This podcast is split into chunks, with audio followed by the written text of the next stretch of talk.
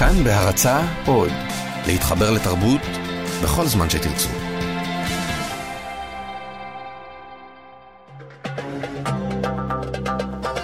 גם כן תרבות. עם גואל פינטו.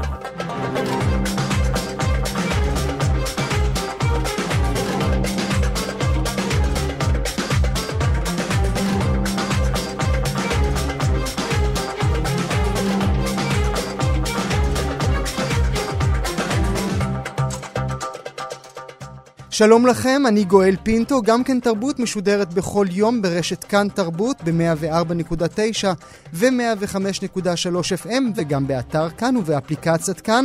אתם עכשיו על פודקאסט גם כן תרבות במהדורת סוף השבוע, בה אנחנו אוספים עבורכם תצרף של קולות מעניינים שהושמעו בתוכנית היומית שלנו. תהנו.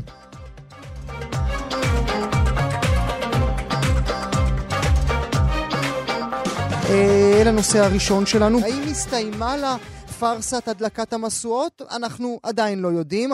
האם ראש הממשלה נתניהו יישא משואה? האם יישא דברים? האם תתכנס ועדת הטקסים ותקבע כבר מעכשיו את הכללים לחגיגות ה-80 של מדינת ישראל? כל זה בסימני שאלה. בכל מקרה ברור כי הטקס, טקס כה חשוב מבחינה לאומית, מבחינת הדרך בה אנחנו כאומה תופסים את עצמנו הוכתם, לפחות בשבועות האחרונים, ובשיח סביבו. איתנו כדי לדבר על כך שניים. הפרופסור דניאל גוטווין מהחוג לתולדות ישראל באוניברסיטת חיפה. שלום דני. בוקר טוב. וגם העיתונאי והסופר יובל בן עמי. שלום יובל, תודה שגם אתה איתנו. כן. אז בואו נתחיל ברשותך, הפרופסור גוטווין, נתחיל איתך. הטקס הוכתם בעיניך? תראה, הטקס הפך למהומה חנוונית, זה ברור, אבל צריך לומר שאנחנו קצת מתרגשים יותר מדי מן הדברים האלה. הרי מדובר בסך הכל בסביבה פוליטית, שרת התרבות היא דמות פוליטית, ראש הממשלה הוא איש פוליטי. הטקס מעוצב, אם אנחנו מבינים מה זאת פוליטיקה, הוא מעוצב על ידי אנשים פוליטיים. הרי איש שלנו חושב שהשרה רגב היא איזה דמות נטולת רצונות פוליטיים, ולכן מה שהפך הטקס הוא לשדה קרב. אני חושב שאם קצת היינו מרחיבים את המבט שלנו, היינו יכולים לסמן שני גורמים להפיכתו לשדה קרב פוליטי. אחד, אנחנו בפתחה של שנת בחירות. ונדמה לי שהרצון המיוחד של ראש הממשלה שתווך על ידי שרת התרבות להופיע בטקס בחלקו אפשר להבין אותו כרצון ליצור איזה דימוי ממלכתי ערב שנת הבחירות, בפרט כאשר הוא מעורב בכל פרשות החקירה. והדבר השני, שגם את זה צריך לזכור, הוא שלא, שגם דמות המדליקי המשואות, גם פרסי ישראל, הם הכל הפכו בעצם להיות שדות לביזה פוליטית. ולכן אני לא חושב שכדאי יותר מדי להתרגש מזה. אני, אני קצת, יש, יש פער בעיניי בדברים שאתה אומר. מצד אחד אתה מדבר על מהומה חנוונית ועל פוליטיקה ופוליטיקה, מצד שני אתה אומר בוא לא נתרגש. אז אני תוהה לאיזה משני החלקים להתייחס. אני, אני אגיד לך בדיוק. אני חושב, שאנחנו, אני חושב שבישראל קרה דבר, אה, במובן מסוים דבר אה, חמור, אבל שהוא הרבה יותר, אבל שזה כבר סוגיה הרבה יותר רחבה. תראה, פוליטיקה היא לא דבר מגונה. וכאשר uh, עניין הופך להיות עניין, ואנחנו uh, חיים בתוך מערכת פוליטית. עכשיו, מה שקורה בישראל הוא שאנחנו מכחישים את הממד הפוליטי של החיים שלנו. ומעבירים כל דבר להסמלות תרבותיות. עכשיו תראה, מחר אנחנו בתוכנית תרבות אצלך, אז אפשר לומר גם את הדבר הבא, uh, לצטט את גרמשי, שאמר ש... שאלות פוליטיות הופכות להיות בלתי פתורות כאשר הן מוסוות כשאלות תרבותיות. ואני חושב שאצלנו ב- בישראל, וזה קשור לא רק לשאלת הטקס, זה קשור גם להרבה מאוד נושאים אחרים, אנחנו חיים במקום שבו פוליטיקת התרבות בעצם מגרשת את הפוליטיקה האמיתית. ולכן, בעצם, הרי אם אנחנו קצת היינו חופרים את כל המהומה... אתה, אתה בסך הכל אומר לי, פרופסור גוטון, אתה אומר לי, תפסיקו לבלבל את המוח, בוא נסיט את המסכה ממה שאנחנו חשבנו במשך שנים, נסיט את הווילון ונראה את הדברים כמו שהם. תמיד הם היו פוליטיים, עכשיו הם פוליטיים, ואל תעשו מזה עניין. כן, רק דבר אחד קרה בינתיים הוא שבישראל השתלטה פוליטיקת הזהויות, צריך לומר את זה. שחלק מן העניין הוא, זה המשך שבמקום שהחברה הישראלית מסרבת להתבונן בעצמה, ועושה את זה באמצעות פוליטיקת הזהויות, ולכן אנחנו בעצם לא מבארים לעצמנו את מקום הדברים, ונוטים להתרגש, ונוטים לייצר, אה, ומקבלים נופ, נופך של כאילו אין שום דבר. יש כאן הרבה מאוד, אם אנחנו מדברים פוליטיקה, כן. לא סמלים, לא מי ינאם ולא מי ינאם ולא מי ייכנס ומי ידליק ומי... כי זה באמת ברמה חנוונית. אלא רק פוליטיקה. את אה, המסך הזה נגלה מתחתיו הרבה מאוד. יובל, גם בעיניך זה רק פוליטיקה. אה, כן, אני בהחלט uh, מסכים עם דוקטור גוטווין uh, כשהוא אומר שאנחנו מכחישים את הממד הפוליטי, uh, ואני רואה כאן, רואה בזה דבר מאוד מאוד חמור, וכשאני חושב על פוליטי אני חושב בצורה הרבה הרבה יותר רחבה. Uh, אני חושב, אני אדבר ממקום יותר אישי ופחות תיאורטי. בשבועיים האחרונים אני עברתי איזשהו מהפך uh, באיך שאני מתבונן בדבר כמו, למשל, טקס המשואות, שזה משהו שאני גדלתי עליו, ואני בעצם קהל היעד שלו, אה, כאזרח ישראלי. אה, אני רואה מדינה שבה יורים במפגינים לא חמושים, ואני רואה חברה שחיה עם זה מאוד בשלום. אני רואה גירוש של פליטים, אני רואה את כל תסבוכת השחיתויות שבה מעורב המנהיג שלנו, שנדחף ונדחק לתוך הטקס הזה ועושה אותו יותר פוליטי, אני חושב ברמה שדוקטור גודווין מתייחס אליה, אה, ואני נחרד אה, וכל זה מתרחש רגע לפני שהחברה הזאת והמדינה הזאת אה, חוגגות את עצמן, מהללות את עצמן ומשבחות את עצמן. ולכן, הטקס הזה השנה הוא בעיניי, ואולי לא כתוצאה ממשהו שבעצם הוא יוצא דופן בשטח, הוא, הוא אבסורדי במיוחד. הוא איכשהו חולה במיוחד. אז אה, שניכם מדברים באותה שפה, אבל, התוצא, אבל, אבל המסקנה שלכם היא הפוכה לגמרי. אתה, פרופסור גוטווין, אתה אומר, אנחנו נסתכל בדברים כמו שהם, אבל נמשיך להיות חלק מהמשחק, ויובל בן עמי אומר, אנחנו נסתכל על הדברים ונפסיק להיות חלק מהמשחק. כן, זאת הגדרתי. אני, אני לא מבין למה, תראה, בתור אחד שיש לו דעות... אה, די ברורות גם בשאלת הפליטים וכל השאלות האחרות שהועלו. אני לא מבין מדוע צריך לגרור את שאלת הפליטים, למשל, אל תוך אה, טקס הסעת המשואות, כשהקטטה שהתבצעה שם, אין לה קשר לזה, אלא היא קשורה לעניינים אחרים. אני אומר, בואו נתחיל לבאר את הדמויות, של, את, ה, את המוטיבציות של השחקנים מתוך שנת הבחירות שבפתח. ושם נראה את הדברים. אה, תראה, אני חושב שכנראה בגלל הגיל, אני עוד uh, זוכר את התקופה שהייתה כאן מהומה די גדולה כש, כשהיה ניסיון למשל לא לנגן את אנו נוסעים לפודים בטקס, כן? נדמה לי שזה היה בזמנו של השר המר, אבל ייתכן שאני טועה. והיה אמרו, כן, מה אתם מנגנים אותנו נושאים לפידים, שזה ההמנון החילוני האולטימטיבי, כן, נס לא קרה לנו, כי זה מה צריך משהו לומר, והתקוטטו כאן התקוטטות שלמה על העניין הזה של כן, נס לא קרה לנו, כן, וננגן או לא ננגן. עכשיו, זה ויכוח פוליטי של יצירת פרהסיה. ואני חושב שלא כדאי, רוצים לדון בפליטים, רוצים לדון בעזה, בואו נדון על פליטים בעזה. למה לדון על כל הדברים האלה אגב טקס, mm-hmm. שחשיבותו, יש לומר, היא גם מוגבלת. Mm-hmm. אני חושב שהם יקנו לטקס הזה איזה נופך כמעט ברור, רוב הישראלים... אולי, שהם... אולי כי זה הדבר היחיד שנשאר לנו, פרופסור לא, גוטווין. לא, בוא נהיה אמיתי. אולי, אני, אני חושב שזה קצת כמו לומר, למה לדבר על, אה, אה, על, על טקסטיל ועל אופנה כשהמלך יושב בקרבנו? כאשר מה שבעצם צריך לעשות זה לצעוק שהמלך עירום. Mm-hmm. ודווקא ניתנת כאן הזדמנות להביט בנו בצורה שהיא לא, שלא סובלת ממיתולוגיזציה. הבעיה העיקרית עם טקסים ממלכתיים, עם ה... הרוגע שהממלכתיות נוסכת בנו, זה שהיא מסיטה את עינינו ממה שהפכנו להיות, ואולי מה שבמידה מסוימת תמיד היינו.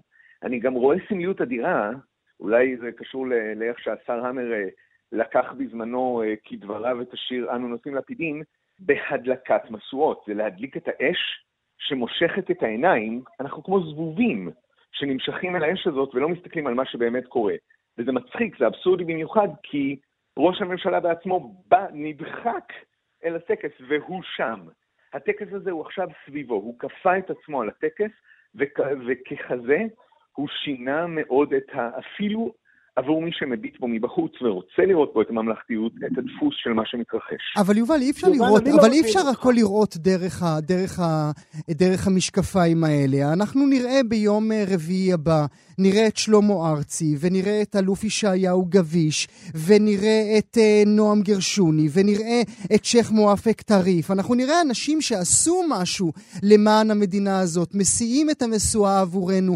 למה הם צריכים על הגב שלהם את כל הדברים שאתה מונה בדברים שלך? אני אומר לך, הם לא צריכים שום דבר. אני גם לא, אני לא אדם שקורא להם להחרים, ואני לא מזלזל בהם, אבל אני כן שופט אותם. אני, זה המהפך שאני עברתי. אני בעבר הייתי מפרגן. וואלה, יפה, הם באים, מקבלים כבוד, נותנים כבוד, נהדר. דברים בארץ הזאת הם חולים מדי, ואני באמת לא מצפה שאנשים יקומו וילכו, וחלק מזה זה שאני, הציפיות שלי מהחברה, כפי שהיא מיוצגת על ידי שלמה ארצי למשל, בן אדם שחי בארץ בוערת וקודחת, והרבה מאוד לכתוב ולשיר על כמה היא בוערת וקודחת, אבל לא השאיר בה בכל הקריירה שלו שיר מחאה אחד עם משמעות. או אדם כמו אמ, אבשלום קור, שמסוגל לראות כל קוצו של יוד, כל טעות קטנה שנעשית במילה או במשפט, אבל את המשבר המוסרי של הציונות הדתית, שהוא אחד מהפנים הכי מוכרות שלה, הוא לא רואה והוא לא דיבר עליו. אה, אני לא צופה שהם יקומו וילכו, אבל אני באופן אישי, כמי שכועס מאוד בשלב זה, אני שופט, אני נפסקתי לפרגן. ואתה, פרופסור גוטווין? אני חושב שיובל אה, עושה כאן, אה, מערב כאן אה, מין שבאינו מינו. תראה, אתה אומר את דבר שיש בתוכו סתירה מובנית.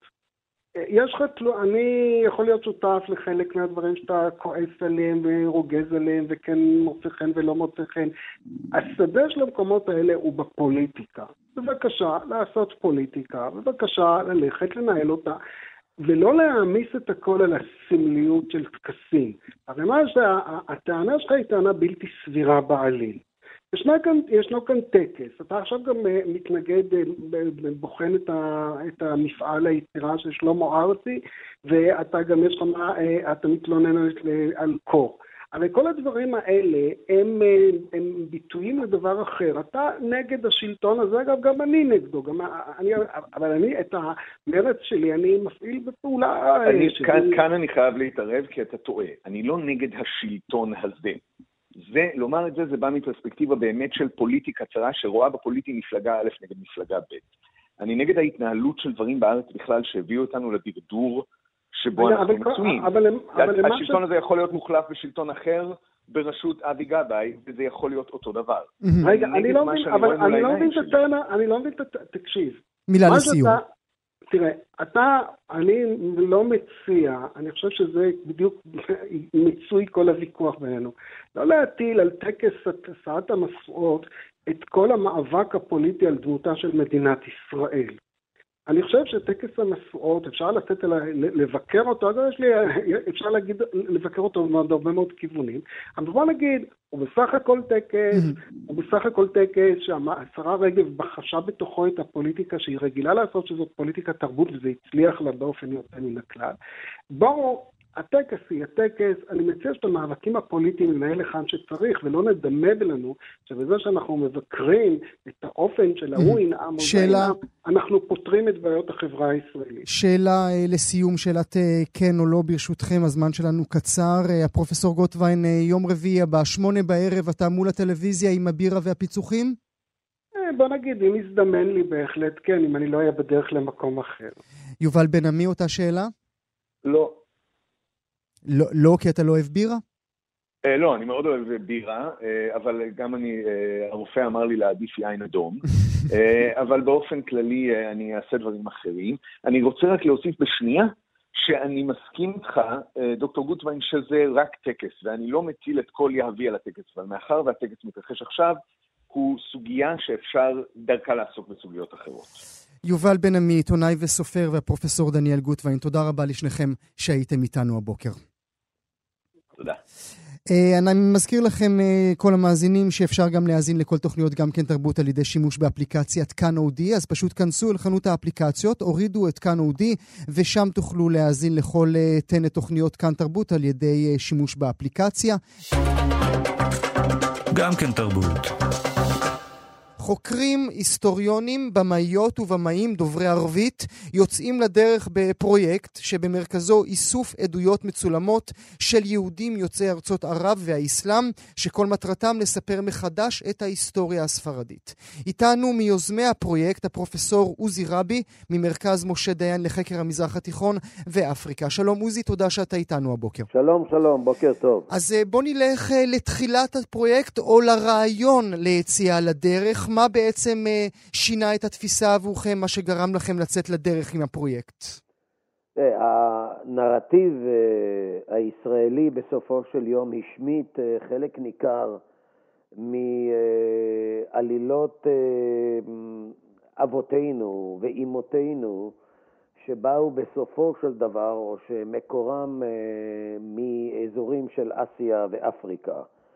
במידה רבה ההיסטוריה הישראלית אה, נכתבה בצלמו ובדמותו של הציבור האירופאי וההבנה שבעצם ישראל היא מצד אחד כור היתוך של יהודים מכל העולם, אבל מצד שני הסיפור שלא סופר, דהיינו סיפורם של יוצאי ארצות ערב, אה, זה דבר שכמובן אה, ידענו תקופה ארוכה, שאיננו בסופו של דבר אה, שם, ושצריך לכתוב, לשכתב אותו, mm-hmm. משתי סיבות.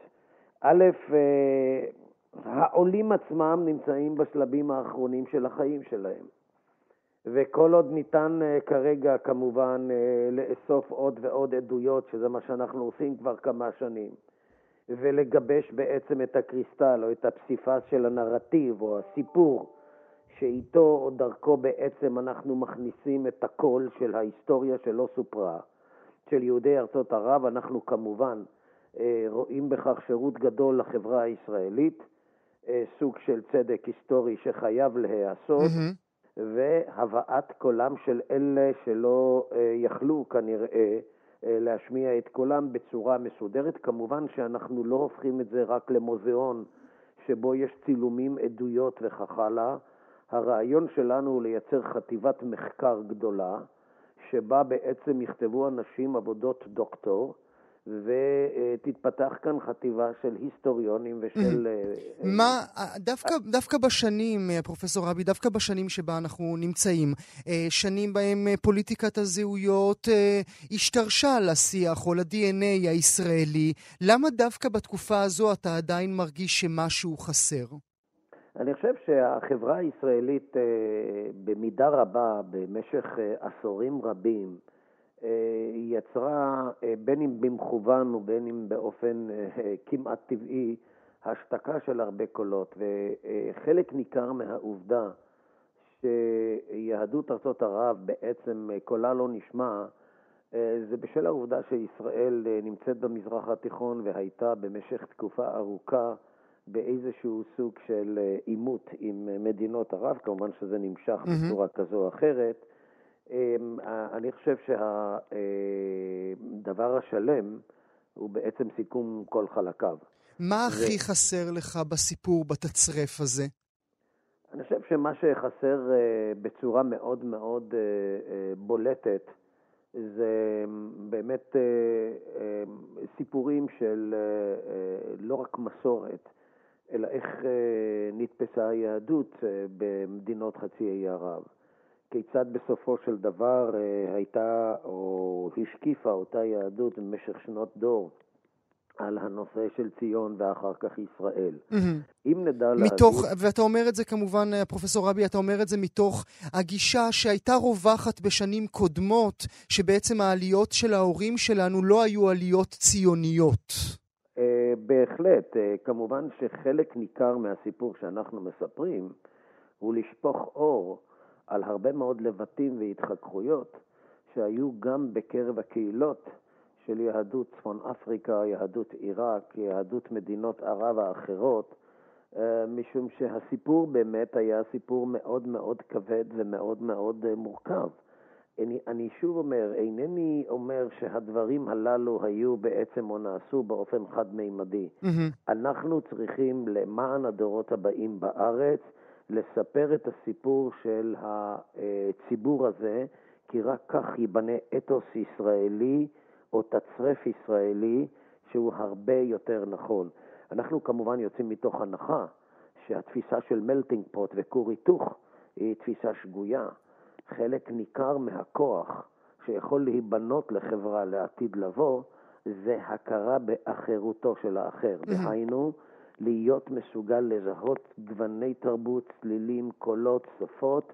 ככל שאנחנו מרחיבים את הידע שלנו בסימפוניה הזו, היכולת שלנו בסופו של יום להיות ביחד ולהכיל הולכת ונהיית אה, יותר חזקה ויותר נכונה, יותר לפחות, בריאה. לפחות מספרת אה, סיפור אה, שלם יותר, בזה אין ספק. מספרת סיפור שלם, כי סיפור, תראה, אנחנו גם צריכים לזכור שהשנים האחרונות עדות לפתיחתם של הרבה מאוד מסמכים. ויש הרבה מאוד סיפורים שצריך גם להרכיב אותם לתוך התשבץ. הסיפור של ילדי תימן והסיפור של אה, אה, הרבה דברים שבאמת אה, קשורים לשפה הערבית. והרבה אבל מאוד... אלה דברים שונים ברשותך, פרופסור רבי, ואולי צריך לשים את הדגש אה, ולהבין מה יהיה הנרטיב של הסיפור שלכם. כי בין, אה, אה, אומר כך, בין ילדי תימן לסאלח לבין הזיקה של ההורים שלנו אה, לציון, אלה שני סיפורים שונים לגמרי. לא, אלה שני סיפורים שונים, אבל כשאתה שואל אותי מה במציאות הישראלית אה, קורה לעשות את זה דווקא בשנים האחרונות, זה בין היתר הדברים הללו. יש מודעות, יש בשלות, אני רואה בזה בגרות, נפתחה הדלת. בהחלט, ואני חושב שמהבחינה הזאת זה נכון מאוד לעשות זאת. אני שוב חוזר ואומר, אה, יש כאן ציבורים גדולים שגם עברו בעצם חוויות של אה, שואה במלחמת העולם השנייה. אולי זה לא מקביל במספרים לשואת יהודי אירופה, אבל מי שבא מבנגזי, מי שהיה בתוניס ומי שהיה בעיראק, מכיר את המושגים האלה, פרהוד, בנגזי בלזן ועוד הרבה מאוד דברים שמסבירים בצורה כזו או אחרת, יש כאן סיפור מאוד מאוד נפתל, ארוך ומורכב, יש בו הרבה עליות ומורדות, של ציבור גדול שבאמת הגיע לכאן בימי השחר של המדינה הזאת, ואנחנו נעשה חסד גם עם עצמנו, סליחה, וגם עם הדורות הבאים. אתה מדבר, אה, פרופסור רבי, על עליות ומורדות. את העליות אני מבין, אני תוהה, האם מין פרויקט שכזה לא יעשה גלוריפיקציה, האדרה, אה, ולא יכניס לסיפור את המורדות? לא, לא, לא. אני חושב שמהבחינה הזאת, אה, בגלל זה אמרתי שהדבר צריך להיות לא בגדר של מסגור תמונות והקלטות ועדויות. הדבר צריך להיות בסופו של יום אה, תחת שרביטם של אנשי אקדמיה שיתמכו בזה, ואנחנו את פרחי הכהונה הזה, האלה נרצה בסופו של דבר לפתח, להפוך אותם לקול שבו בתוך האקדמיה הישראלית, שים לב, יהיו קורסים בנושאים האלה. אתה מבין שזה הדבר הפשוט שאיננו בנמצא. שזה בעצם הלב של הסיפור הזה, פרופסור בוודאי, רבי. זה בוודאי. הלב של הסיפור. הלב של הסיפור הוא שאפילו האקדמיה לא מתעסקת ב- בסיפור שאיננו סיפור מערבי. אף אחד, אף אחד לא מתעסק, ואנחנו בעצם מבינים שבשביל שלא יקרה מצב שבו אנחנו עוסקים בדברים הללו בצורה אזוטרית או בצורה פיקנטית, אנחנו צריכים בעצם להביא את הנרטיב, את הסיפור, מפרי עטם של חוקרים שישבו וחוקרות שישבו שנים על כך, הפכו להיות מומחים בזה, אחר כך לבוא עם זה גם למשרד החינוך ולהכניס את זה בדרך המלך לספרי ההיסטוריה שנלמדים ו- בבתי הספר. ואני אומר לך, פרופסור רבי, מדוע אתה אומר את המשפט האחרון שלך. כי עד היום אנחנו שמענו עדויות של ההורים שלנו אה, שהתקבלו בציבוריות הישראלית כמין רגש, רגשות, תחושות, כל מיני דברים אמורפיים כאלה שאי אפשר היה להוכיח. ואתה מבין ברגע הזה שאתה צריך את אנשי האקדמיה והמחקר שהם יוכיחו שהדברים האלה אכן קרו ולא היה מין אה, כאב כזה שאי אפשר באמת למסגר בתוך ספר. אמת, ויגבשו את זה לכלל סיפר היסטורי שייכנס בדרך כבוד לאתוס הישראלי. ויהפוך את האתוס הישראלי ואת החברה הישראלית לחברה יותר בריאה ויותר מאוזנת. עכשיו, אני, אה, הזכרת קודם גם את, אה, את העדויות של, אה, של, של יהודי צפון אפריקה ועיראק, הפרעות שהם עברו, וכמובן הכיבוש הנאצי שם באזורים מסוימים בזמן מלחמת העולם השנייה.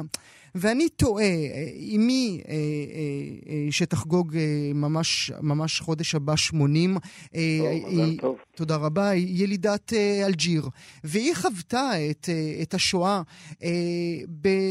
בצורה מצומצמת, חוותה, אבל, נכון. מצומצ... אבל מצומצמת. נכון. כיצד אתה יכול להעמיד את הסיפור של אימא שלי, שרק הרגישה מטוסים מעל הבית שלה, מול סיפור של אה, חנלה שיינדמן אה, בשטייטל בפולין?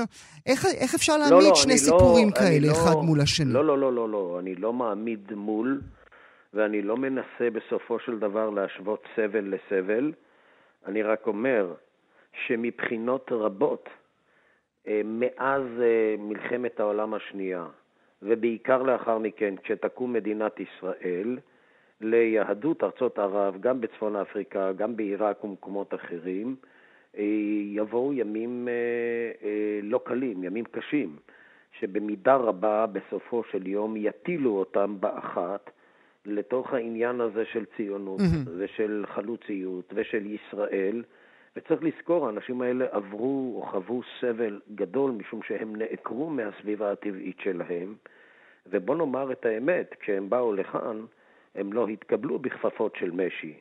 אינני מתכוון שהם היו צריכים לקבל כאן ארמונות, אבל אם uh, תבדוק היטב את האופן שבו הם פוזרו במדינה כאן, אם תבדוק היטב את האופן שבו הם uh, בסופו של דבר טיפחו את מה שהם היו לפני כן, אתה תראה שלחלק uh, ניכר מהם הייתה תחושה של נחיתה מאיגרא רמא לבירא עמיקתא. Mm-hmm. לאו דווקא במונחים כלכליים רק, אלא במונחים זהותיים ותרבותיים. ולכן אני חושב שאת הסיפור צריך לספר. אני הזכרתי את הנושא של מלחמת העולם השנייה, אה, לא היה בעצם, לא הייתה תוכנית של פתרון סופי בתוניס או באלג'יר או במקומות כאלה. אינני בא לטעון כך, אבל בהחלט היו מחזות שיהודים נחשפו אליהם וסבלו, וחלקם בעצם שילמו בחייהם. לא מדובר פה במיליונים, מדובר פה במאות. אבל אני בהחלט חושב שזה חלק. במה זה, שונה, במה זה שונה מהסיפורים שבמאים כמו רון כחלילי ודוד דרעי מספרים לנו במהלך השנים האחרונות? תראה, אני חושב שהדבר שה... שאנחנו מבקשים לעשות זה כמו שאמרתי, להכניס ל... ובלי לפגוע כמובן בסיפורים האלה, שהם סיפורים אה, חשובים ושהם סיפורים שמקומם אה, או כבודם במקומם מונח, אנחנו מנסים להכניס אה, מדעיות ולתפור את הדברים האלה במונחים היסטוריים, mm-hmm. לתת את הקונטקסט, לא להביא את היהודי שבא מארצות ערב כמי שאנחנו מחלצים אותו בסופו של דבר מאיזושהי ביצה או מאיזשהו מקום, ועוקבים אחריו רק מהרגע שהוא בא משם לפה. Mm-hmm. אנחנו בעצם נותנים קונטקסטואליה, והקונטקסטואליה חשיבותה רבה, משום שהיא בעצם מביאה יחד איתה גם לתוך התרבות הישראלית גוונים וניחוחות שהם חלק מהאתוס הישראלי שמתפתח mm, כאן. כמובן. אה, מילה לסיום ברשותך, פרופסור רבי, מאיפה הוריך הגיעו? עיראק. ספר, ספר לי סיפור אישי עליהם. אה, תראה, אבי גדל ב... אבי עליו השלום גדל בעיראק אה, הבריטית, הבריטים יצרו את עיראק.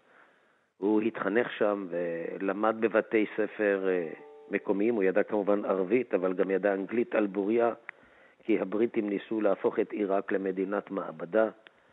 אה, הוא האמין במשך תקופה ארוכה שהוא עיראקי, כי במשך אלפיים שנה אבות אבותיו ישבו שם. ב-1941 אה, התחוללו כאן הפרעות של הפרהוד בעיראק, בבגדד ובבסרה, ואבי נחשף בפעם הראשונה לעובדה שלא כל כך משנה מה אתה עושה ומה יחסיך עם שכניך, בשלב מסוים משהו יכול לקרות בסביבה שלך, שמוציא מתוכך זהות שגם אם אתה מנסה להצניע אותה ולהיטמע, mm-hmm. היא תמיד תצא החוצה. Mm-hmm. והסיפור של הפרהוד אה, הפך אותו להרבה יותר ציוני ממה שהוא היה קודם לכן. Mm-hmm. ולכן אבי היה ציוני נלהב מרגע שהוא הגיע לפה, ולו רק בשל העובדה שסיפור חייו מספר בסופו של דבר את קו התפר של, של השם והכאן. קהילת יהודי בבל, שהיא הקהילה העתיקה בעולם כמובן. של יהודים. והעניין של מגולים לגאולים, או מהעניין של אה, עלייה ותקומה. מהבחינה הזאת יש הרבה מאוד אה, סיפורים שאני נוצר יחד איתי, גם מאבי, גם מדודיי, מדודותיי, מסבתי. ומה עם אימא? אה, אמי באה מבשרה, מהבחינה הזאת הסיפור שלה הוא סיפור קצת אחר. כאן יש יהודים שבסופו של דבר ישבו לראש המפרץ הפרסי. סבי, אביה, היה בסופו של דבר סוחר שהפליג בספינותיו להודו, ואם יורשה לי, כי אתה שואל אותי כבר על רשמים אישיים, כשהייתי בעצם בבומביי, בהודו, ואספתי חומרים לעבודת הדוקטורט שלי, אה, נדהמתי אה, למצוא אה, איזשהו מסמך שמדבר על כך שהנציב הבריטי בהודו מספר על מפגש שהיה לו עם יהודי בשם אליהו חורי, שבא בראש צוות סוחרים מבסרה במורד המפרץ הפרסי. אליהו חורי היה בעצם סבי עליו השלום. Mm, איזה סיפור יפה. טוב. זה סיפורים שאפשר בהחלט אה, להמשיך לספר, ולכל אחד יש אותם. כמובן. רבים כמותם. כמובן. טוב, נאמר uh, תודה. פרופסור עוזי רבי, תודה רבה לך. תודה, שהיית תודה רבה. איתנו הבוקר. אל הנושא הבא שלנו. Uh, אם uh, ביקרתם uh, במחלקה לאומנות אירופה במוזיאון ישראל, בוודאי uh, ראיתם, צפיתם, עברתם ליד uh, הציור דיוקן זוג בנוף. Uh, בציור הזה נראים גבר ואישה, שניהם לבושים שחורים, כמעט אוחזים ידיים, ממש כמעט, הידיים כמעט נוגעות אה, זו בזו, הם נטועים בתוך נוף כהה, אולי אפילו מאיים, מין אה, אה, ציור אה, סומבר כזה קצת.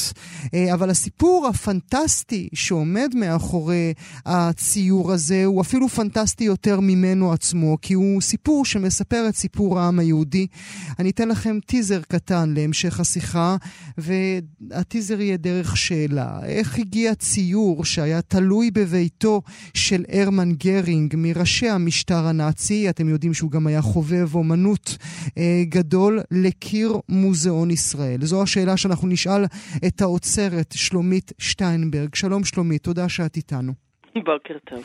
אז הציור הזה ככה מונח לו שם, מוצג לו שם, ואנחנו עוברים לידו ואנחנו לא מכירים את ההיסטוריה שלו.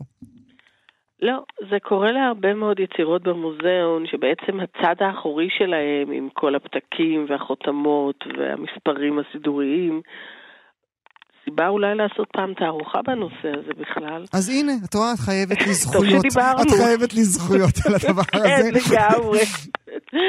אה, הם באמת לא ידועים לנו, וגם באוסף שלי, שאני אחראית עליו אה, כבר הרבה מאוד שנים, מתגלים לי מדי פעם דברים חדשים. והסיפור הזה התגלה בעקבות ספר ענק שיצא בוושינגטון על ידי חוקרת בשם ננסי ייידה, שכתבה על האוסף של גרינג. הספר הגיע כמו שספרים מגיעים לספריית המוזיאון גם אליי לשולחן. והסתכלתי ודפדפתי ככה במעבר, ואני רואה תמונה שמוכרת לי, ואני אומרת, רגע, זה שלנו, זה לא יכול להיות. וכשאני בודקת את ה, מה שקוראים הפרובננס, המוצאות של היצירה, אני מגלה שאכן התמונה שאני זוכרת שהגיעה למוזיאון ישראל ממש ערב פתחו אה, ב-64 מאישה שקראו לה אליזבת אנדריאסי מניו יורק, היה שייך לאליזבת והוגו, דניאל בעלה. שני אזרחים בלגים שנמלטו ב-39 מבריסל, והשאירו את התמונה למשמרת, גם כן משמרת. עלק משמרת, כן. כן, אצל האוצרים של המוזיאון הלאומי של בלגיה. בבריסל. כן, בגבעה היפה הזאת, הסבלון. כן. וכשהנאצים נכנסו לבריסל ונכנסו לתוך אה, אוספי המוזיאונים, האוצרים שם לא ממש אה, הזדרזו להסתיר בגופם את התמונות אלא הסגירו אותם לידי הנאצים ואמרו, זה היה של יהודים שהשאירו את זה כאן. מקרה שחזר על עצמו לאורך כמובן. כל שנות ה-30 וה-40, כל עוד המלחמה נמשכה. והיצירות נשלחו יחד עם רבות אחרות למוזיאון שאנחנו מכירים אותו היום כפנינה חמודה בפריז, שנקרא ז'ו דה פום. ואז הוא שימש כמחסן אה, שאליו היו מביאים את היצירות שנאספו מכל רחבי האזורים כי, הכבושים. כי לא- פריס הייתה כבושה כבר אז. לגמרי, ואוטו אבץ, שניהל את העניינים עבור הנאצים, מהמם. דאג שיעשו שם אה, תצוגות בשביל הפילד מרשל גרינג. גרינג, בניגוד להיטלר שהגיע רק פעם אחת לפריז, הגיע 23 פעמים לפריז. ויש תמיד את התמונה של האיש הענק העצום הזה עם המעיל הארוך שלו והמקל שלו. הוא היה עובר בז'ו דה פום מול התמונות, מצביע עם המקל על תמונה, והעוזרים כותבים על זה HG, הרמן גרינג, מהמם. ושולחים לו את זה. רוב התמונות באמת הגיעו לקארין הל, האחוזה שהוא הקים לזכר אשתו הראשונה, שהייתה מין אחוזת ציד מעל ברלין, 70 קילומטר צפון מערב, לא שאנחנו הולכים לבדוק את זה. ולקראת סוף המלחמה, אה, הוא החליט שזה מסוכן מדי והעביר את אשתו השנייה ובתו אל אחוזה שהייתה בבוואריה. מהמם. בוואריה נחשבה הרבה יותר בטוחה משום מה, והם גרו שם, והתמונה הספציפית הזאת שלנו הגיעה אל הטירה שלהם. היא לא הספיקה להיות שם הרבה זמן, כי ההרגשה הייתה שאולי משהו רע הולך לקרות, שמעו שהצבאות האמריקאים מחד והרוסים מאידך מתקרבים, העבירו אותה למכרה מלח. שם הם הטמינו הרבה מאוד יצירות. כי, כי אני רק מנסה לחשוב, כי מה, כי זה... אה, מה, נכון אקלימית? למה נכון למ- אקלימית, כן, אה, יבש. זה נכון אקלימית, אוקיי. יבש, בטוח, מתחת לאדמה, עם אפשרות להגיע לשם. הדרך לתוך עומק המכרה הייתה ממוקשת. וכשהאמריקאים הגיעו למקום, הם חשבו שבכלל מוסתרים שם מטילי זהב. מהמם. אבל זה היה לפעמים יותר יקר ממטילי זהב. כמובן, כמובן. אבל רגע, אני רוצה לשים נקודה, אם את מרשה לי, ברשותך. בוודאי. כל הזמן הזה שאת יושבת מול הקטלוג הזה של יצירות, היצירות שהיו שייכות, אה, לא שייכות, אני לא יודע אפילו לא מה שייכות, לא שייכות. שהוחרמו.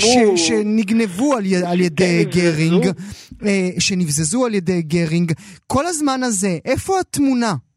על הקיר שלך או שהיא במחסן? למטה, כן, ב- ב- לא, לא, לא, היא באולם, אה, מה שנקרא אולם שיקמן תחתון אצלנו, קומת הקרקע של מוזיאון ישראל, המסד. ואת לא רצה מיד לתמונה לראות שאת כאילו רואה את הדבר הזה ממש מול העיניים שלך? אני לא זוכרת שרצתי לאחרונה הרבה. אני לא רצה הרבה, כן. אמרה עוצרת הפדלאה. כן, אני לא רצה הרבה. כן, אבל אה, לא, זה בהחלט היה זה, ותראה, גם כשקראתי שזה הזוג אנדריאסי, שנתנו לנו אה, עוד ארבע פריטים לאוסף, כולם יצירות טובות מאוד של אומנות הולנדית, בלגית, ואחד הפריטים זה אפילו שטיח גדול. אז אמרתי, רגע, אני מוציאה את הכרטיס חפץ, אני נכנסת ל database במחשב, אתה רואה למה אנחנו מנוצלים? מהמם. הכל בהישג יד.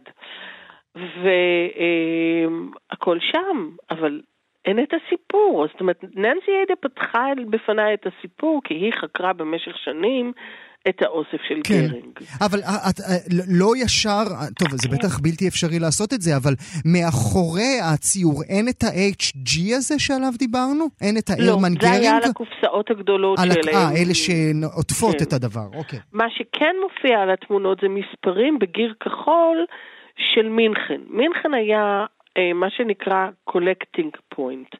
האמריקאים הביאו למינכן את כל היצירות שהם אספו מתוך המכרות, הטירות, הכנסיות, הבתים הפרטיים שהם הגיעו אליהם, ומספרו אותם במספר ראשוני, מספר בין ארבע ספרות. המספרים האלה כן נמצאים על התמונות, לא על התמונות, על המסגרות, יש לומר. מהמם. אבל אה, אתה יודע, כשתמונה נתלית על קיר, חושבים על הקדימה שלה. האם היא מתאימה, האם היא הולמת, האם היא בנושא. ובאמת, כשתלינו את התמונה הזאת, שהייתה שייכת לאומן אלברט קויפ, איש דורדרכט, הרעיון מאחורי התלייה שלה הייתה שזה אזור שבו יש ארבע תמונות נוספות של אותו אומן, מהמם. ותמונה אחת של פנחויין שהיה המורה שלו. מהמם. אז נשמע הגיוני מבחינה מאוד אוצרית. מוזיאלי, מאוד כן, אקדמי. כן.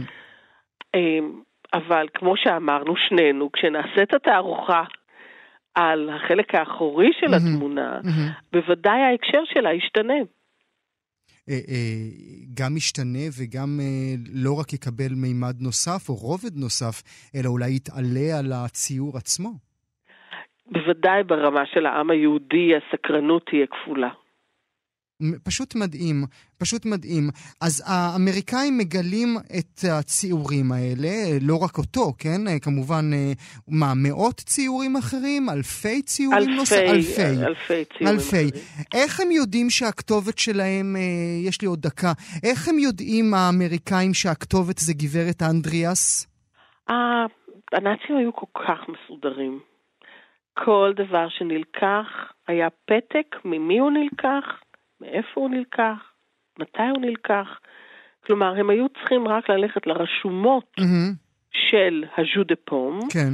ולמצוא שם את הכל. ואני... ובז'ו דה פום ישבה אישה קטנה, עכברית למראה, בשם רוז ולאונד, שהיא עשתה לעצמה בשקט בשקט צרפתייה יומנים mm-hmm. סודיים של כל מה שנכנס לז'ו דה פום, מאין הוא הגיע, וכל מה שיצא מהז'ו דה פום, ולאן הוא הלך. מדהים. אז כל הסיפורים האלה שאנחנו שומעים עד היום, רק השבוע דיווחתי כאן בתוכנית על ציור של אגון שילה שהוחזר ליורשים, אה, יורשים יהודים, וכמובן אנחנו כולנו מכירים את הסיפור של הגברת עם הזהב של קלימט. כל הסיפורים, כל הסיפורים האלה זה מה? זה פשוט לא... ידעו שזה שייך לאותם אנשים, כי הם היו מסודרים הנאצים, כמו שאמרת, רק לא החזירו? כן. נו, מקסים. ותשמע, אנחנו נוגעים בקצה קרחון. כן. אנחנו לא יודעים אפילו כמה יצירות עדיין נמצאות באוספים פרטיים, בתים פרטיים, אוספים חצי ציבוריים, אוספים ציבוריים, mm-hmm. אוספי מדינות. והתהליך הוא ארוך ואיטי. אחרי המלחמה אנשים חיפשו משפחה, הם לא חיפשו יצירות כן. אומנות. היום הדור השלישי ולפעמים אפילו הדור הרביעי מתפנים לחפש את מה שסבא וסבתא איבדו. וטוב מאוד שכך. אה, אנחנו נגיד תודה ונזכיר שוב, אה, לכו, כי עכשיו יש את הסיפור כולו, אה, לכו למוזיאון ישראל, ושם עציצו במחלקה לאומנות אירופה בציור דיוקן זוג בנוף, ועכשיו אתם מכירים את הסיפור כולו שעומד מאחוריו. ושלומית שטיינברג עוצרת במוזיאון ישראל, תודה רבה לך שהיית איתי הבוקר. תודה לך. אנחנו עוברים אל הנושא הבא שלנו, הבנות של אלה משם. ספר תיעודי המביא את סיפורן של כותבות, נשים, בנות דור שני לשואה. בגוף ראשון הן מספרות את סיפוריהן, חייהן והקשיים כמובן, אולי אפילו גם מעט ניצוצות של חיוך אצל חלק מהן. איתנו עכשיו עורכת הספר, כלת פרס ספיר, אסתר פלד. שלום אסתר. בוקר טוב. תודה שאת איתנו. מדוע הספרות העברית מחפשת את הסיפורים של בני בנות הדור השני? היא מחפשת? היא גם מנסה להתחמק, לא? זה כל מיני. זה, אני חושב שזה מין uh, תנועה, uh, תנועת מטוטלת כזאת. גם uh... אני חושבת, גם אני חושבת. Uh, אני חושבת שיש, uh, ש, שיש, uh, שבאמת יש חיפוש, שיש uh, תנועה לקראת מצד אחד, ושיש uh, ניסיון uh, לא יודעת אם להתחמק זו המילה הנכונה, אבל שיש אה, ניסיון להתרחק mm-hmm. מהדבר הזה. כל זה, אני חושבת שזה, יש לזה סיבות שאפשר לעמוד עליהן. התנועה של החיפוש אחרי זה היא, אה, אני אגיד פשוט, למרות שזה לא פשוט, מפני שמדובר בחוויה של רבים מאיתנו שהיא חוויה קשה במידה רבה. ויש חיפוש אחרי שמות או ניסיונות להגדיר או להבין את החוויה הזאת, מפני שהגדרה במידה מסוימת שמה גבול או גדר לכאב. Mm-hmm. וגם, כמו שאתה יודע, כמו שעושים בתהליך של פסיכותרפיה, אה, אנחנו יודעים שכתיבה זה דבר מרפא. אני יודעת את זה, אתה יודע, בגוף ראשון. Mm-hmm. שכשאתה כותב את זה, כשאתה נותן לזה מילים, זה זה מצטמצם, זה הופך מחוויה קשה, שהיא חסרת שם, ואין לך, אתה בעיקר פוחד מפניה, לחוויה שאתה יכול לעמוד בה, ואולי עבור, אפילו להתפתח ממנה. גם עבור הכותבת וגם עבור הקוראת? אחרת לא הייתי כותבת. אני, אני, אני, השליחות שבמעשה הזה, יש בו מימד של שליחות אה, אה, לטעמי, של לכתוב את ה... של לערוך את הספר הזה, של לכתוב את הטקסטים האלה, mm-hmm. זה לאפשר לאנשים למצוא את עצמם בתוכם. ולהבין באיזושהי מידה מה עבר עליהם כילדים להורים שהיו שם. כי יש את התחושה הזאת אה, של בני, אה, בני הדור השני, ואני כבר אומר, אני חי, אה, בן זוגי הוא, דור, הוא דור שני, אני חי עם דור שני, יש להם את ה... אני אומר את המעבר הזה בין חוסר רצון לחבר עצמם אל הסיפור המאוד כואב, נכון. לבין חוסר היכולת שלהם להתחמק מהסיפור הכואב. נכון, אני, אני, אני עצמי עברתי את המסלול הזה. כשבערך עד שהייתי בת 40, אה, הייתי עסוקה באיזושהי מידה בהיררכיה של עצמי כבת ליוצאת טרזין. לעומת החבר'ה מאושוויץ, כן, mm, הייתה לי, הייתה לי משפחה. ההיררכיה, למי היה כן. כואב יותר? אה, לא, אה, לא, אז זהו, שאני רציתי להיות באלה שכואב להם פחות. Mm-hmm. זאת אומרת, במידה רבה, הדבר שעשיתי כשאמרתי שאני הבת של זאת שהייתה במחנה לדוגמה, זה שאני לא בחבר'ה. עכשיו, מטופלים שלי, זה ממש דברים שפגשתי בקליניקה, מטופלים שלי אה, גם היו, ב, נגיד, בא אליך פציינט שיש לו התקפי חרדה, בלתי מוסברים. הנקודה עם הכאב הזה, זה שאם אתה לא קורא לו דור שני, אז זה מין כזה, התחושה היא שזה מין כאב לא מוסבר. גם פחד לא מוסבר, שהוא לא שלך, ואתה לא יודע למה אתה כל כך פוחד מהחיים, או למה משתנק כל כך בקלות מול החיים, כשאתה אומר שאתה סוחב בעצם, שאתה נושא בתוכך כאב שהוא במידה מסוימת לא שלך אלא של הוריך, mm-hmm. אז הוא מקבל את המקום שלו, ואתה למה, יכול להתקדם. אבל למה את אומרת שהוא לא שלך אלא של הוריך, אסתר? הוא שלך. כי כשאתה שמעת כן, את הצעקות, כן, כן. הוא שלך. כן. כשאתה ראית את ההתמודדות עם אוכל, הוא שלך. אה, אה, הוא... אני, זה, לא, זה לא מדויק, יש... אה, הוא לא... לא, הוא לא תמיד...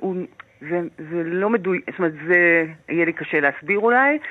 אתה, בוא נגיד את זה ככה. אה, זה, זה חשיבה פסיכואנליטית בייסיק אה, כזה, אתה נושא את הוריך בתוכך. Mm. יש איזו הפרדה בפנים, בתוך הנפש, בין מה ששלך ובין מה של הוריך. אתה, תראה, כשאתה רואה איך, את היחס לאוכל או דברים מהסוג הזה שאתה מתאר, זה באמת, אה, זה, זה משהו שאתה אתה לא יודע שהוא, שהוא, אתה לא יודע מה זה. אחרי זה אומרים לך, אה, אה, אתה יודע מה, אני אגיד לך משהו אחר. אצלי זה לא שם, זה לא, ב, זה לא באוכל ובאלה, זה, ב, זה, ב, זה סוג של דיכאון, זה פשוט עצב בלתי נסבל, איזה סוג של כדרות שאתה חווה בתוך החיים בבית של ההורים שלך. ואתה אפילו לא יודע להגיד שזה, אתה לא יודע להגיד מה זה. ואתה לומד, אתה לא רק לומד להתייחס לאוכל ול, וכולי וכולי, אתה גם לומד מין כזה להיות עצוב. ואתה, ויש לך פריים על החיים, יש לך מבט על החיים שיש בו מימד של עצב, שאתה חושב שהוא שלך, ואתה לא מבין למה אתה כזה יצור כבד. Mm-hmm. ואז, אם אתה מבין שאתה נושא כובד, או עצב, או יגון, שהוא לא שלך, יש לך אפשרות במובן מסוים להניח אותו בצד, או לא להרגיש אשם כל כך שאתה כזה טיפוס מלנכולי, כן. למשל. כן. יש משהו, יש דבר אחד, אחד, שאנחנו יכולים לומר שהוא, שהוא מקביל או עובר כחוט השני בין כל בני ובנות הדור השני? אה, אה, אה, כן, אז אני חושבת שאני, שההכללה שאני ארצה לעשות זה להגיד את, את, את הדבר הזה, שאנחנו נשאנו בתוכנו חוויה של חריגות ושל של משהו שהוא לא מתאים לארץ ישראל דאז, של משהו שלא מצליח להיות מה שמצפים מאיתנו להיות. אה, מין עליזות ישראלית, כאילו, אתה יודע, הדור הישראלי הראשון, הנמר... התקומה, לא, יכול, לא הצלחנו להיות התקומה. Mm-hmm. והייתה איזו ציפייה הורית שאנחנו נהיה ילדים שנושאים בתוכם רק חיים. Mm-hmm. אתה מבין? בשעה שלאמיתו של דבר, לא יכולנו שלא להזדהות עם ההיבטים של המוות שהיו אצלם. ו... היינו, היינו קצת פחות ישראלים ממה שהם רצו שנהיה. ובהתנהלות היומיומית? יש משהו אחד שמחבר בין כולם כולן? אה, זה קצת קשה, אני לא מכירה את כולם, אתה יודע, כן. אבל אלה שאני מכירה, אלה שאני מכירה זה קצת, אה, אה, החיים שלהם הם אנשים יותר כבדים, הם פשוט יותר כבדים. ויש מי שיתווכח איתי ויתווכחו איתי על זה, וזה ממש נהדר. כאילו... כמובן. אז, אז, אז זאת הכללה לא נכונה, אלא נכונה חלקית, וזה סבבה. אה, עוד מילה אחת ברשותך, אסתר, למה עשית את הספר הזה? למה בחרת לערוך אותו? כן, כן, אז זה הולך ככה. אה, באיזשהו, באיזשהו אופן, זה, אה, אחרי שאימא שלי נפטרה, היה לי צורך. אה, אימא שלי נפטרה לפני שש שנים, והתעורר צורך, כאילו, פתאום היה ברור שהאחריות, זה ממש חוויה של אחריות, אפרופו זה, יכולתי להגיד על, על זה כ, כעל, כעל הכללה mm-hmm. שאפשר לעשות על הדור השני. הייתה לי תחושה של אחריות שעכשיו אני נושאת אותה לבדי, כי אימא, כי אין, אין כבר דור ראשון, מתחיל להיות שאין כבר דור ראשון. אז אנחנו, אז החוויה המשותפת לחמש הנשים הללו הייתה שיש, שהאחריות לדבר על הדבר הזה היא שלנו. זה מוטיב אחד. מוטיב שני הוא שלא יכולתי לעשות את זה לבד. שממש לא יכולתי לעשות את זה לבד. היית צריכה היה... את הכוח הנשי, את החברות לידך? הי, הייתי צריכה לחלק את הכאב, וכאילו לדעת, שיהיה כתוב בספר שהוא לא רק שלי. והעובדה, בגלל תחושת החריגות. והעובדה שזה נשי, יש לזה איזושהי חשיבות? לא, לא. לדעתי לא. זה מזמין, ואתה צודק, וזה כמעט טריוויאלי לחשוב ככה, אבל אני לא חושבת. האמת, זה פשוט, אה, זה פשוט ארבע נשים שהיא, זה ממש לא, זה לא הכיוון. כן. טוב, בכל מקרה זה ספר מעניין אה, עד מאוד, ונאמר תודה. אסתר פלד, הבנות של אלה משם. תודה רבה לך שהיית איתי הבוקר. תודה רבה, ביי ביי. אל הנושא הבא שלנו, אה, פריץ גרונבאום. זה השם, פריץ גרונבאום, הוא היה אמרגן יהודי אוסטרי שנספה, נרצח, הושמד בדכאו בשנת 1941. הוא היה הבעלים של שני ציורים של הצייר האוסטרי הנודע אגון שילה. אה, ציור אחד שקראו לו אישה מסתירה את פניה, השני אישה עם סינר שחור. הציורים, אה, כמו שקרה הרבה, נבזזו על ידי הנאצים. עכשיו בית משפט בארצות הברית חייב את החזרתם ליורשיו של גרונבאום. מעבר לבשורה הנפלאה הזו, הזדמנות מצוינת עבורנו לדבר על אגון שילה ותרומתו וחשיבותו. איתנו בלש האומנות שלנו, יונתן הירשפלד. שלום יונתן. בוקר טוב גואל. אז אומר כך, אני לקחתי אה, אה, מספר אה, חופשה בסוף השבוע ונסעתי לווינה, ולשמחתי הרבה נפלתי על תערוכה של אגון שילה. הם ניסו לעשות שם איזשהו חיבור בינו לבין ציירים אוסטרים אחרים, בראשם כמובן גוסטב קלימט. הדבר שהכי הפתיע אותי, כנראה משהו שלא נכנס לזיכרון שלי הרבה, שהבחור הזה, הצייר הכה נודע, מת בגיל 28. תכלס, לא יאמן. 28. אני חשבתי שקראתי לא טוב בריבועים הקטנים האלה, אתה יודע, בכניסה לתערוכה, ו... 28. כן, בערך אה, שלושה ימים אחרי מות אשתו, שהייתה בהיריון בזמן מותה. איך, אה, איך, גבר, איך גבר צעיר בן 28 מצליח להשאיר אחריו אה, מסורת כזו, ועוד להישאר בזיכרון של כולנו? אני אגיד משהו כזה, תראה, אה, לשילה יש שני דברים שנראים לנו כיום מאוד מאוד מובנים מאליהם, אבל הם בעצם מזעזעים ומדהימים. הדבר הראשון זה שהקנוניזציה של העבודה על נייר. אנחנו היום רגילים לזה שאתה הולך לתערוכה ועבודות על נייר יש להם את אותו מעמד של שמן על בד. אבל בעצם אם אתה מסתכל על בן אדם שנולד ב-1890, זה בכלל לא היה ככה, היה עבודות שמן על בד גדולות, ייצוגיות, לארמון, לכנסייה ולמוזיאון, ועבודות נייר שהן סקיצות, הרהורים, מחשבות, או אומנות גרפית שימושית. שילה לוקח חלק במהפך אדיר במעמד של העבודה על נייר, שהוא הופך אותה ל... זאת אומרת, כשאתה מדמיין שילה, אתה מדמיין את העבודות על נייר בעצם. Mm-hmm. מעטים מאיתנו מדמיינים את הנופים או ציורי נמל השמן שלו. Mm-hmm. זאת אומרת, זה קודם כל, זה, זה מהפך שנראה מובן מאליו, הוא בעצם בכלל לא מובן מאליו, הוא די מדהים. והדבר השני, שהוא בעיניי אה, יותר ערמומי, וזה תלוי כמה זמן יהיה לי פה לדבר כמובן, כי אני יכול, אבל אה, הוא הקשר של אגון שילה לנלוזות, לסטייה, למיניות, ה... אפילו הייתי מדבר על חרדות מפני מיניות, מיניות מלאת חרדות.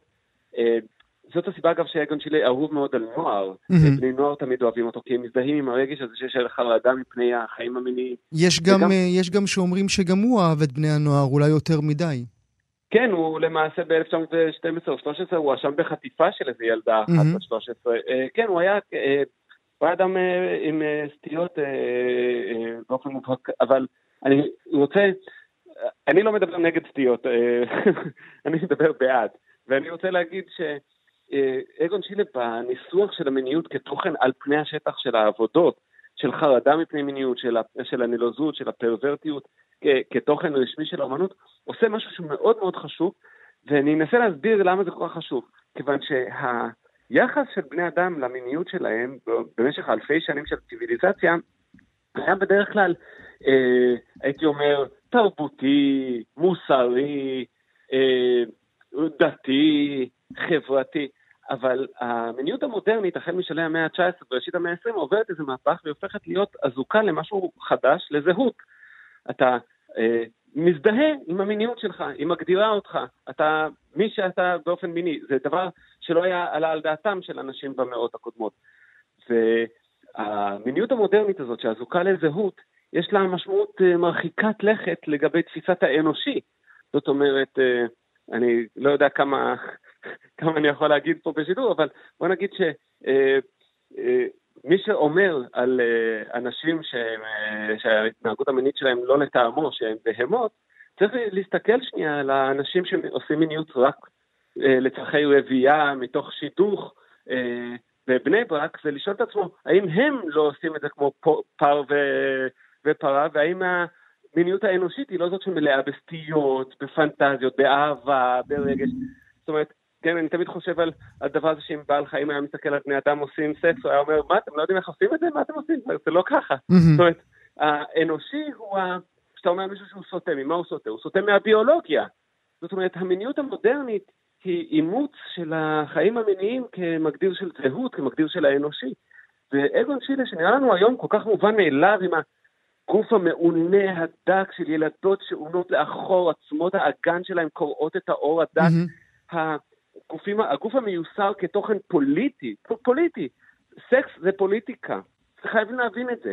ואולי צריך גם לנסות... אבל, לזכור... אבל אני, אני רק שם כוכבית, במידה רבה הוא גם צייר את עצמו כך, לא רק אותם. בוודאי, בוודאי. זאת אומרת, השדים, השדים שנמצאים בציורים או בעבודות של שילה, הם בראש ובראשונה השדים שלו עצמו. בוודאי, בוודאי. זה, זה הגוף המיוסר כתוכן פוליטי. והגוף המיוסר כתוכן פוליטי זה חדש בתולדות האומנות. ולכן אני אומר שלמרות שלפעמים נראה שהשנים רע לאגון צ'ילה, והמניירות הרישומיות האלה, וזה אומנות לגיל ההתבגרות וזה, אני מזכיר שבעצם הוא לוקח חלק בשני מהפכים די גדולים בתפיסה שלנו את האומנות על נייר, ובתפיסה שלנו את הגוף המיוסר, mm-hmm. ואת, הגוף ה... ואת המיניות המודרנית כמגדירה של זהות. זה מישהו, הנטיות המיניות שלו הם מישהו, זה, זה, זה די מדהים, לא? גוף העבודה שלו היא גם אה, רחבה מאוד, אמרנו בן 28 מת, אבל השאיר אחריו אה, מאות רבות של עבודות. כן, אני חושב שלא היו לו מיליון תחומי עניין חוץ מהאומנות. Mm-hmm. צריך לזכור גם שהעולם הזה של אה, אוסטרו-הונגריה, וינה, בואכה fin de siècle בואכה סוף המאה ה-19, ראשית המאה ה-20, זה העולם של פרויד, של ניטשה, של גוסטב מאלר, של רילקה. זה לא עולם ש... זה קלימט כמובן, זה לא עולם שבו האינטלקט המערבי קופא על שמריו, יש תפיסה, יש עשייה. וכל ציור הוא גילוי, כל ציור הוא מחשבה.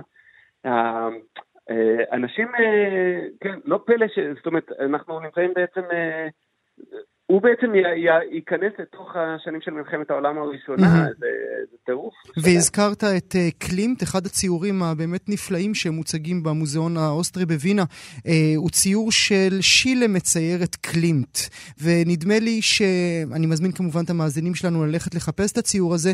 זה, לי זה הרגיש כאילו הוא קצת... אה, קצת אה, מסתלבט עליו, על ההתייפייפות של קלימט, הזהב של קלימט, היופי הנשי הנדיר הזה, והוא קצת עושה לו דווקא. כן, לדעתי אתה נוגע פה בנקודה שהיא ממש מעניינת וחשובה.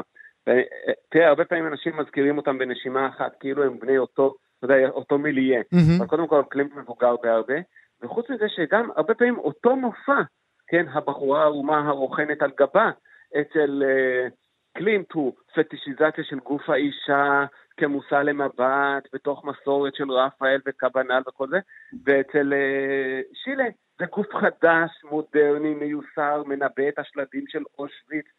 Uh, החיוך הרומזני של הדמות של קלימט הופך לחיוך מעוות, uh, פתייני של זונה, נלוז, זאת אומרת, מה שקלינט, כל דבר שהוא נוגע בו הופך להיות, אה, כן, בדיוק כמו שאתה אמרת, כמו וולט דיסני כזה. מתקתק, מלא בזה. אה, אני חושב שאחד הציונים היפים של אה, שילה של קלינט, זה צייר אותו אחרי מותו. זאת אומרת, ממש במיטת מותו הוא צייר את קלינט. זה ציור אה, מוזר מאוד, הוא רושם- הוא רושם את פניו המתות. וגם היחסים האלה, אם היעדר מילה אחרת, הפרוידיאנים, הרצח אב הזה, הקלינט מגדל אותו והוא כדי להגדיר את עצמו, הוא רוצח את אביו. אה, כן, איך בונים אומן? עושים אב. כמובן, כמובן, זה קלאסי באומנות. טוב, אנחנו נזמין אה, ביחד, ברשותך, יונתן, את כל המאזינים שלנו ללכת ולחפש מעט מהיצירות של אגון שילה. הוא באמת אה, יוצר שחשוב להכיר, ואני אומר לך תודה, כהרגלי, יונתן הירשפלד, בלש האומנות שלנו. תודה שהיית איתנו הבוקר. תודה לך, גואל, ביי ביי. כאן הגיעה לסיומה תוכנית נוספת של גם כן תרבות. אנחנו כרגיל שולחים אתכם אל עמוד הפודקאסטים שלנו. כאן.org.il/פודקאסט, יש שם המון דברים טובים, שיהיה לכם כיף להאזין להם. תודה רבה שהייתם איתנו.